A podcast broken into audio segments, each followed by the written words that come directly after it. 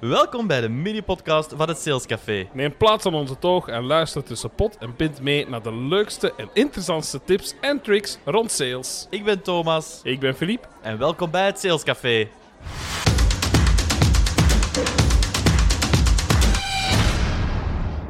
Dag iedereen en welkom bij een nieuwe aflevering van het Sales Café. Eh, Dag allemaal. Filip, vandaag gaan we het hebben over... Offertes opvolgen. Hm, Dat is toch ook wel een belangrijk aspect van het salesproces. Dat is cruciaal in het salesaspect. Als het goed is, is het je voorlaatste stap in Ja. het salesproces. Want je laatste stap zou natuurlijk het closen van de deal moeten zijn. Klopt. Nu, als je tandpasta gaat kopen in de winkel, dan krijg je denk ik ook geen offerte mee. Nee, dat klopt. Inderdaad, offertes is eigenlijk in alle geledingen van de sales wel actief, maar natuurlijk niet ja, op elk niveau. Hè. Nee, dat klopt. is toch wel evident. Inderdaad. Ja. Maar vandaag gaan we daar wel even over hebben. Waarom? Omdat het natuurlijk, ja, als je offertes niet goed opvolgt, dan is de kans op slagen, de kans op succes natuurlijk ja, eigenlijk heel, heel klein. Alright. Allereerst, heel veel bedrijven hebben van tegenwoordig uit de kluiten gewassen offertesystemen die alles heel mooi voorbereiden, die makkelijk in te vullen zijn en waar een standaard offerte komt uitgelopen. Godzijdank. Gelukkig, want er kruipt vaak wel wat tijd in, maar het is ook zo belangrijk. Dus ja, voor de eventueel, ja, tussen ons gezegd, kleine ondernemer die vandaag aan het meeluisteren is, zorg ervoor dat die offerte altijd zo compleet mogelijk is. hè. Dat wil zeggen, zorg ervoor dat uw bedrijfsgegevens erop staan, dat de gegevens van uw klant erop staan, dat de datum dat die offerte gemaakt is erop staat, dat uw geldigheidsduur erop staat. Daar gaan we het straks nog even over hebben, maar heel belangrijk. Eventueel een inleidende tekst met een omschrijving van uw product, uw service of uw dienst. Zorg uiteraard voor een opsomming van hetgeen wat je wilt gaan aanbieden. En uiteraard vergeet niet om de prijs erop te zetten. Dat is toch wel belangrijk. Soms niet te veel tralala, vooral overzichtelijk houden. Ja, overzichtelijk en transparant. Mensen moeten in één oogopslag kunnen zien wat je gaat doen voor hun, wat je voor hun kunt betekenen en hoeveel dat ze daar dan in moeten gaan investeren. Wederom, het proces naar het opstellen van een offerte is minstens zo belangrijk als het opvolgen van uw offerte zelf. Met andere woorden, is uw verkoopsproces niet goed, uw gesprek niet goed, is de sfeer niet goed, enzovoort enzovoort, is het vertrouwen er niet, ja, dan mogen er zoveel offertes maken als dat je wilt. De kans dat die een succes kan worden is redelijk klein. Misschien even, Thomas, wanneer is de laatste keer dat jij een offerte hebt laten maken? Eh, dat is al even geleden. Eh, dat was voor de laatste keer voor een ingemaakte kast. Als ik mij dat goed herinner. Ja. Ja. En is die destijds goed opgevolgd? N- nee. Nee. Nee, eigenlijk niet. Wij hebben een offerte aangevraagd. Wij moesten toen eh, foto's doorsturen. Afmetingen waren er al, maar de foto's, ja, dat lukte niet goed om die door te sturen. Eh, dat is dan een verschillende keren gebeurd in verschillende mails. Dan zijn die wel toegekomen, maar dan is de opvolging eigenlijk niet goed gegaan. En hebben we eigenlijk nooit echt een offerte gekregen. Ai, dus uiteindelijk veronderstel ik ook niet dat je er iets gekocht hebt. Ah, ah nee, ja, want nee, ik weet niet wat dat de prijs zou zijn om het te laten maken. En jammer eigenlijk, want wij zijn daar zelf op afspraak geweest. We hebben daar bepaalde keuzes gemaakt en dergelijke. Dus die mensen hebben wel tijd in ons gestoken, maar achteraf hebben wij er eigenlijk nooit een offerte van gekregen. Ja, heel spijtig, want je zit er dan een hele tijd mee bezig. Maar goed, je hebt er dan veel tijd in gestoken en zonder eh, resultaten. Dus eh, Ja, dat inderdaad. is belangrijk. Als voorbeeld vandaag gaan we de catering in. De catering. Absoluut. We hebben als voorbeeld gewoon genomen een, eh, een foodtruck die Mhm. verhuurd wordt. Hè. Dat is de dag van vandaag natuurlijk helemaal in. Trouwfeesten met, met foodtrucks of dergelijke, of een, een bedrijfsfeest, iets wat je ook heel vaak ziet. En waar dat dan een foodtruck staat. Mhm. Nu, heel belangrijk, wetende, je bent nooit de enige waar een offerte wordt opgevraagd. De kans is redelijk klein dat je als enige speler meespeelt, zeker als het B2B is, dan wordt er langs alle kanten iets opgevraagd. Dus moet je ervoor zorgen dat je je offerte wel binnen een bepaalde tijd goed gaat opvolgen.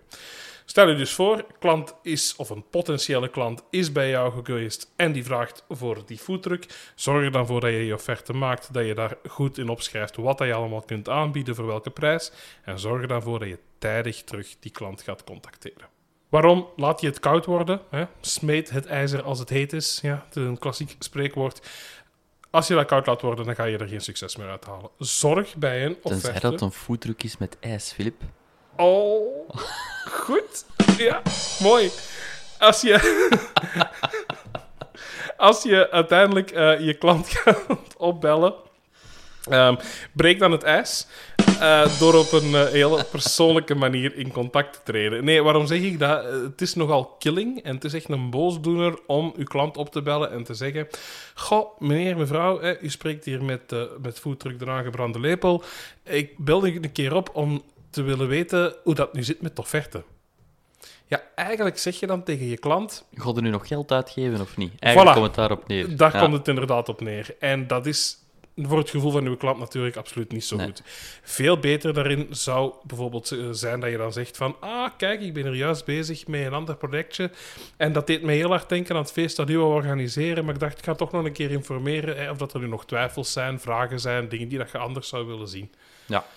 Op die manier zorg je ervoor dat je klant op een andere manier getriggerd wordt en dat is veel aangenamer qua ja, contact. Uiteraard, zorg voor persoonlijk contact. Bel met je klant. Probeer hem eventueel uit te nodigen om het project nog eens te bespreken en zo verder. Ik denk dat je dat trouwens ook moet vragen, hè, Filip. Kijk, uiteindelijk, de klant zit daar om te kopen, dus je mag dat ook gewoon recht toe recht aan uitspreken en zeggen van kijk, ik ga jou terugbellen. Of heb je graag dat ik jou terugbel? Of spreek af met de klant hoe dat, dat gebeurt. Wanneer dat, dat gebeurt. Pas u daar ook aan aan. En pas u daaraan aan. Ja, zijn klanten die veel gebeld willen worden, zijn klanten die weinig gebeld willen worden, zijn klanten die een WhatsAppje willen krijgen, zijn klanten die een mail willen krijgen, zijn klanten die zeggen dat die willen dat je bijna terug voor de deur gaat staan. En stel dat je klant zegt, Filip, uh, van ja, maar ik neem zelf wel contact. Dat is eigenlijk een alarmsignaal. Rode vlag. Dat is een rode vlag. Heel goed dat je dat ook aanhaalt, dat voorbeeld, want dat is iets wat je vaak hoort in sales. Klant heeft gevraagd om eigenlijk niet zelf contact op te nemen eigenlijk zegt jouw klant daar een beetje mee van ik ben eigenlijk niet zo zeker of dat ik wel met jou in zee wil gaan. Ja. Dus op dat moment zorg ervoor dat je de bezwaren die dat er eventueel zijn om de klant te contacteren, dat je die weghaalt. Ja. Is het gevoel, het gevoel niet goed, zit de prijs niet goed, niet overtuigd van de producten of diensten, is de menu die dat je in elkaar wilt steken in uw foodtruck niet ideaal? Willen ze toch houten bordjes in plaats van papieren bordjes? Ik noem maar, ik noem maar domme voorbeelden, maar zorg ervoor dat je dat wel even uh, goed achterhaalt. Je bespaart daar ook tijd voor met jezelf. Hè? Want het kan zijn dat de, dat de klant niet durft nee zeggen. Er zijn heel veel klanten die niet durven nee zeggen. Nee. En zeggen van, kijk, nee, ik ga het toch niet doen. En die dan blijven afwimpelen en dan uiteindelijk gaat de verkoper daar ook blijven tijd in steken. Ja.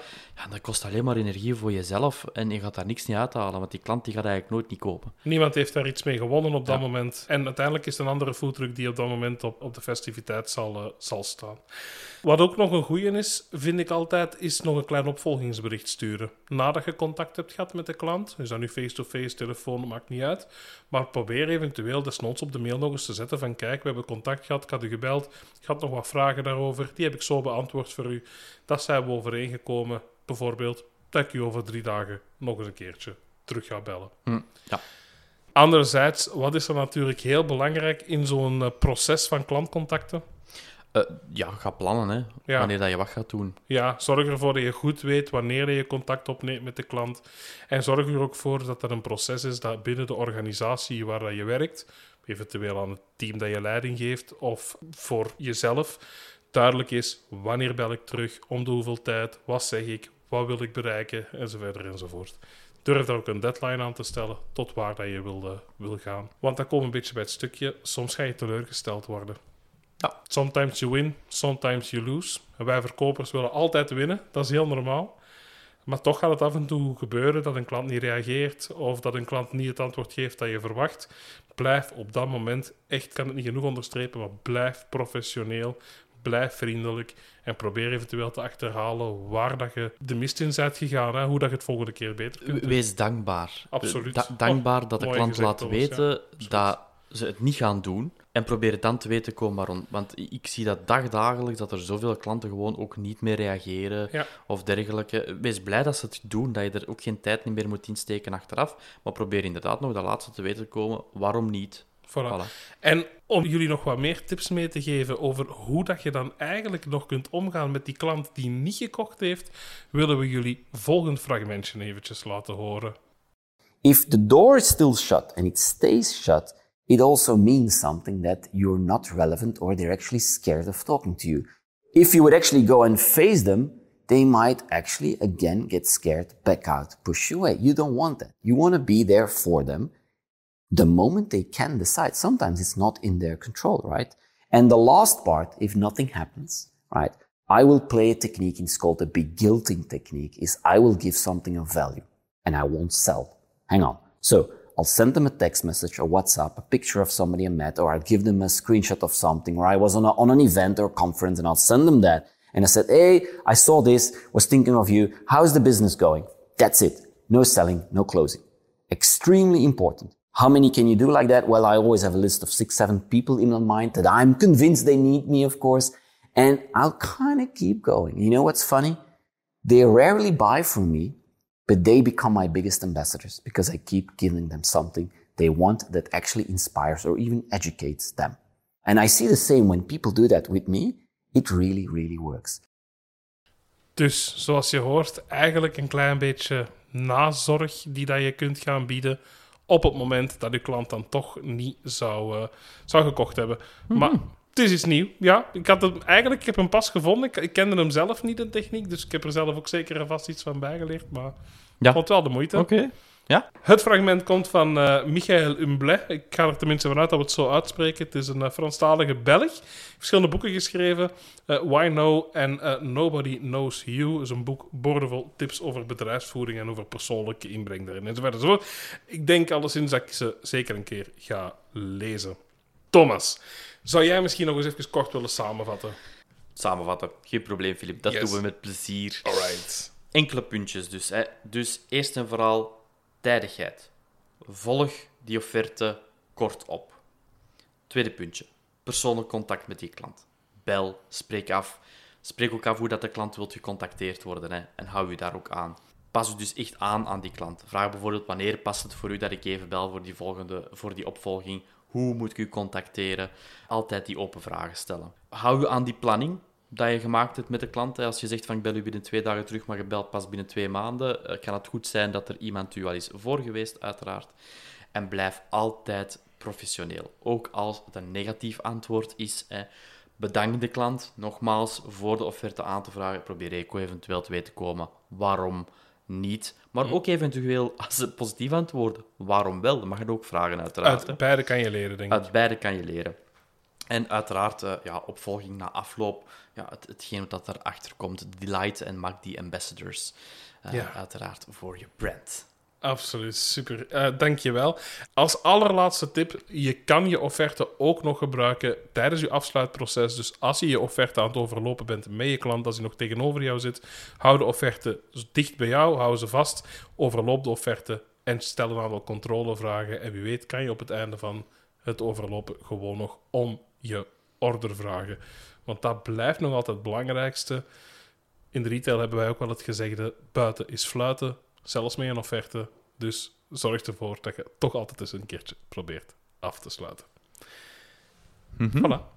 Speciale uitspraak. Ja, dus, uh, het, is eentje die dat wij, het is eentje die wij al regelmatig gebruiken. Oké. Uh, heb jij ook nog een andere quote dan buiten is fluiten? Uh, ja, zeker en vast. Want um, ik heb er eentje gevonden van John Maxwell, Amerikaanse auteur en spreker die vele boeken heeft geschreven ah, over... ik dacht een DJ. Ja, dat zou ook nog wel kunnen. Ja. ja, nee, nee. Dus uh, het is degene die, uh, die de boeken schrijft over uh, drie, 360 graden leiderschap enzovoort. En hij beschrijft het als volgt. A diligent follow-up and follow-through will set you apart from the crowd and communicate excellence. Top, bedankt hiervoor, Filip. Ja? Uh, bedankt voor de uiteenzetting over offertes. Yes. En ja, gelijk als altijd, je kan ons volgen op de sociale media, Instagram, Facebook. Je kan luisteren naar ons op Spotify, Apple, Google Podcast, YouTube, noem maar op. Geef ons een review. Heb je suggesties? Laat het ons weten via de social media kanalen. En voor vandaag, bedankt. Bedankt en tot de volgende keer. Tot de volgende keer, hè. bye. bye. bye.